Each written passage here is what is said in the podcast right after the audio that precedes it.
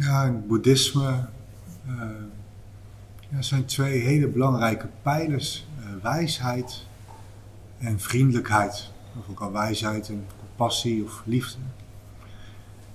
En ja, wat ook wel is ook een mooie uitspraak. Volgens mij komt die ook van de Boeddha.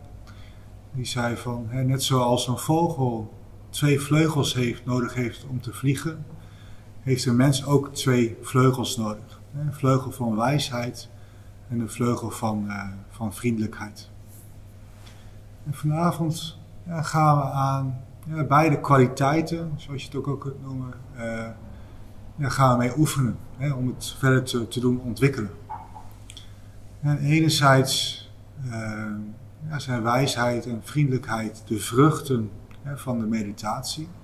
Dat is ook iets wat, wat door de, te mediteren en door het te leven ontwikkel je dat. Um, anderzijds zijn het ook twee nou ja, ingrediënten, zou je kunnen zeggen, die heel helpend zijn in de beoefening zelf. dus enerzijds is het nodig voor de beoefening en anderzijds zijn het de vruchten van de, van de beoefening. En vanavond uh, beginnen we bijvoorbeeld met uh, Vipassana. Vipassana wordt dus verteld naar inzicht. Dus, en inzicht leidt dus tot, tot wijsheid. En later vanavond gaan we het meer richten op, op metta-meditatie. Metta betekent vriendelijkheid. Dus dat is echt gericht op het ontwikkelen van vriendelijkheid. Ja, vriendelijkheid, ja, dus met ja, vriendelijkheid staat ook al tegenover uh, een vorm van weerstand, zoals boosheid irritatie. En weerstand is, is een van de drie vergiften waar ik het de vorige keer over gehad heb, of de keer daarvoor. En uh, wijsheid staat tegenover onwetendheid. En later vanavond ga ik wat meer vertellen over vriendelijkheid, metta.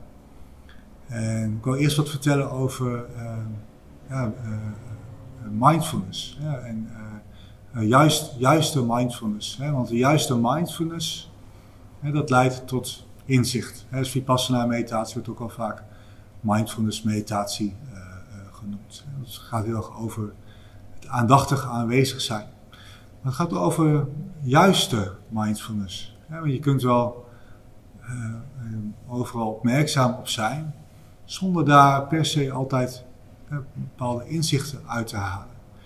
Juiste mindfulness ja, vraagt dus ook een bepaalde, bepaalde wijsheid ergens al wel.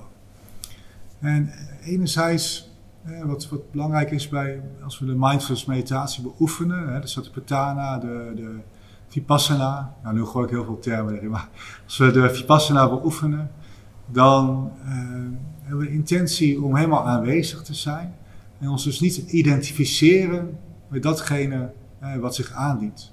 En ik heb het daar ook over gehad, hè, de, manier van benoemen kan daar een ja, belangrijke rol in spelen. dus in het boeddhisme gaan we vanuit dat er geen kern in jezelf te vinden is. Geen ikje hè, die alles controleert en bepaalt. En als we dat wel denken, dat er een ikje is, hè, dan willen we alles juist naar onze hand toezetten. Maar het leven ontvouwt zich op zijn manier. We krijgen allerlei te maken met allerlei vormen van uitdagingen. als we volledig geïdentificeerd zijn, ja, dan is er veel om voor te vechten. En om alles comfortabel mogelijk te maken, wat dan natuurlijk niet altijd lukt. En dat leidt dus weer tot vormen van uh, stress en lijden. Dus dat is een heel belangrijk, essentieel onderdeel, dat er geen ikje is eh, wie dit allemaal eh, als het ware overkomt.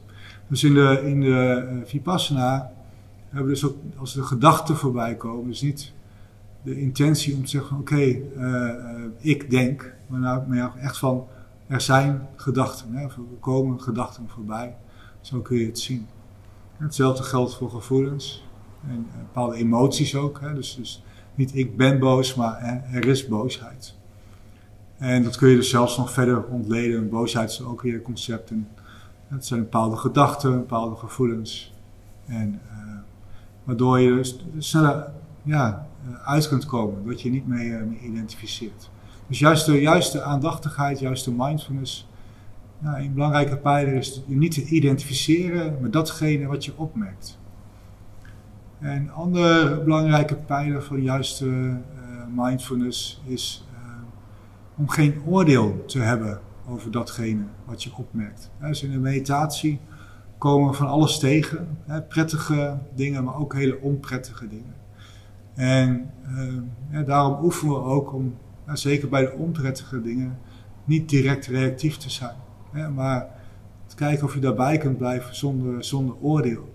En als er wel oordeel is, hè, want het is heel logisch dat het wel, zeker in het begin wel gaat gebeuren, dat je dat ook met vriendelijkheid weer opmerkt. Dus die vriendelijkheid zit dus ook weer in die uh, juiste mindfulness. Hè. Dus vriendelijkheid is ook weer een belangrijk aspect. Dus zonder oordeel en met, met vriendelijkheid en naar dat wat je ook tegenkomt. Hè. Prettig en onprettig. Hè, bij Maria hebben we ook uh, geoefend met, uh, om opmerkzaam te zijn op datgene wat prettig is, onprettig en neutraal. En de neigingen die daaruit voortkomen.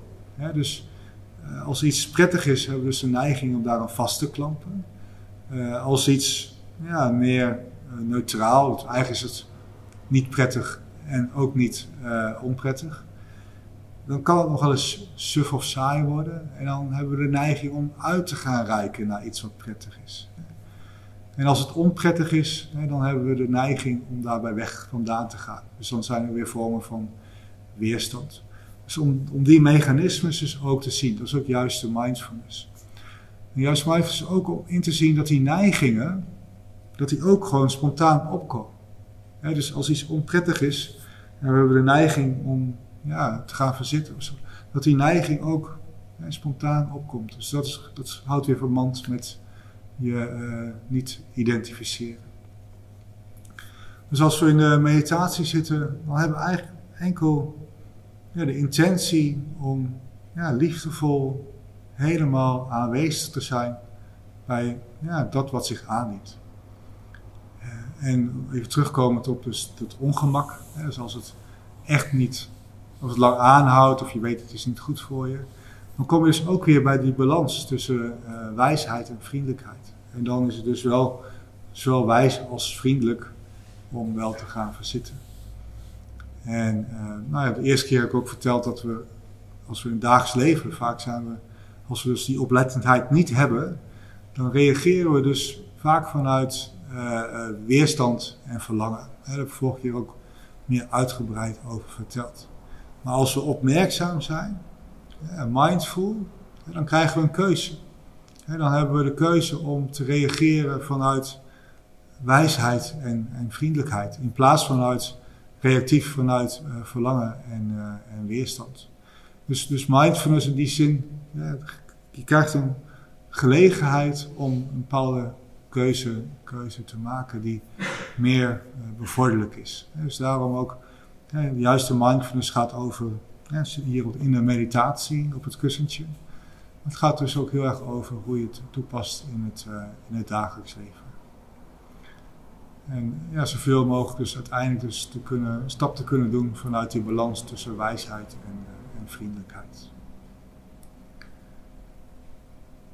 Ja, je die door, door langere tijd dus opmerkzaam te zijn, dan ontwikkelen we dus ook factoren die leiden tot ontwaken. Je hebt er zeven factoren voor ontwaken, daar heb ik vorige week volgens mij, oh nee, dat was met een andere groep, heb ik onlangs wat van gestuurd. En uh, dat leidt dus ook tot, uh, tot vormen van wijsheid. We gaan zo meteen uh, toepassen in de Vipassana. maar ik wil je nu eerst uitnodigen om te gaan staan, om even in het lichaam te komen.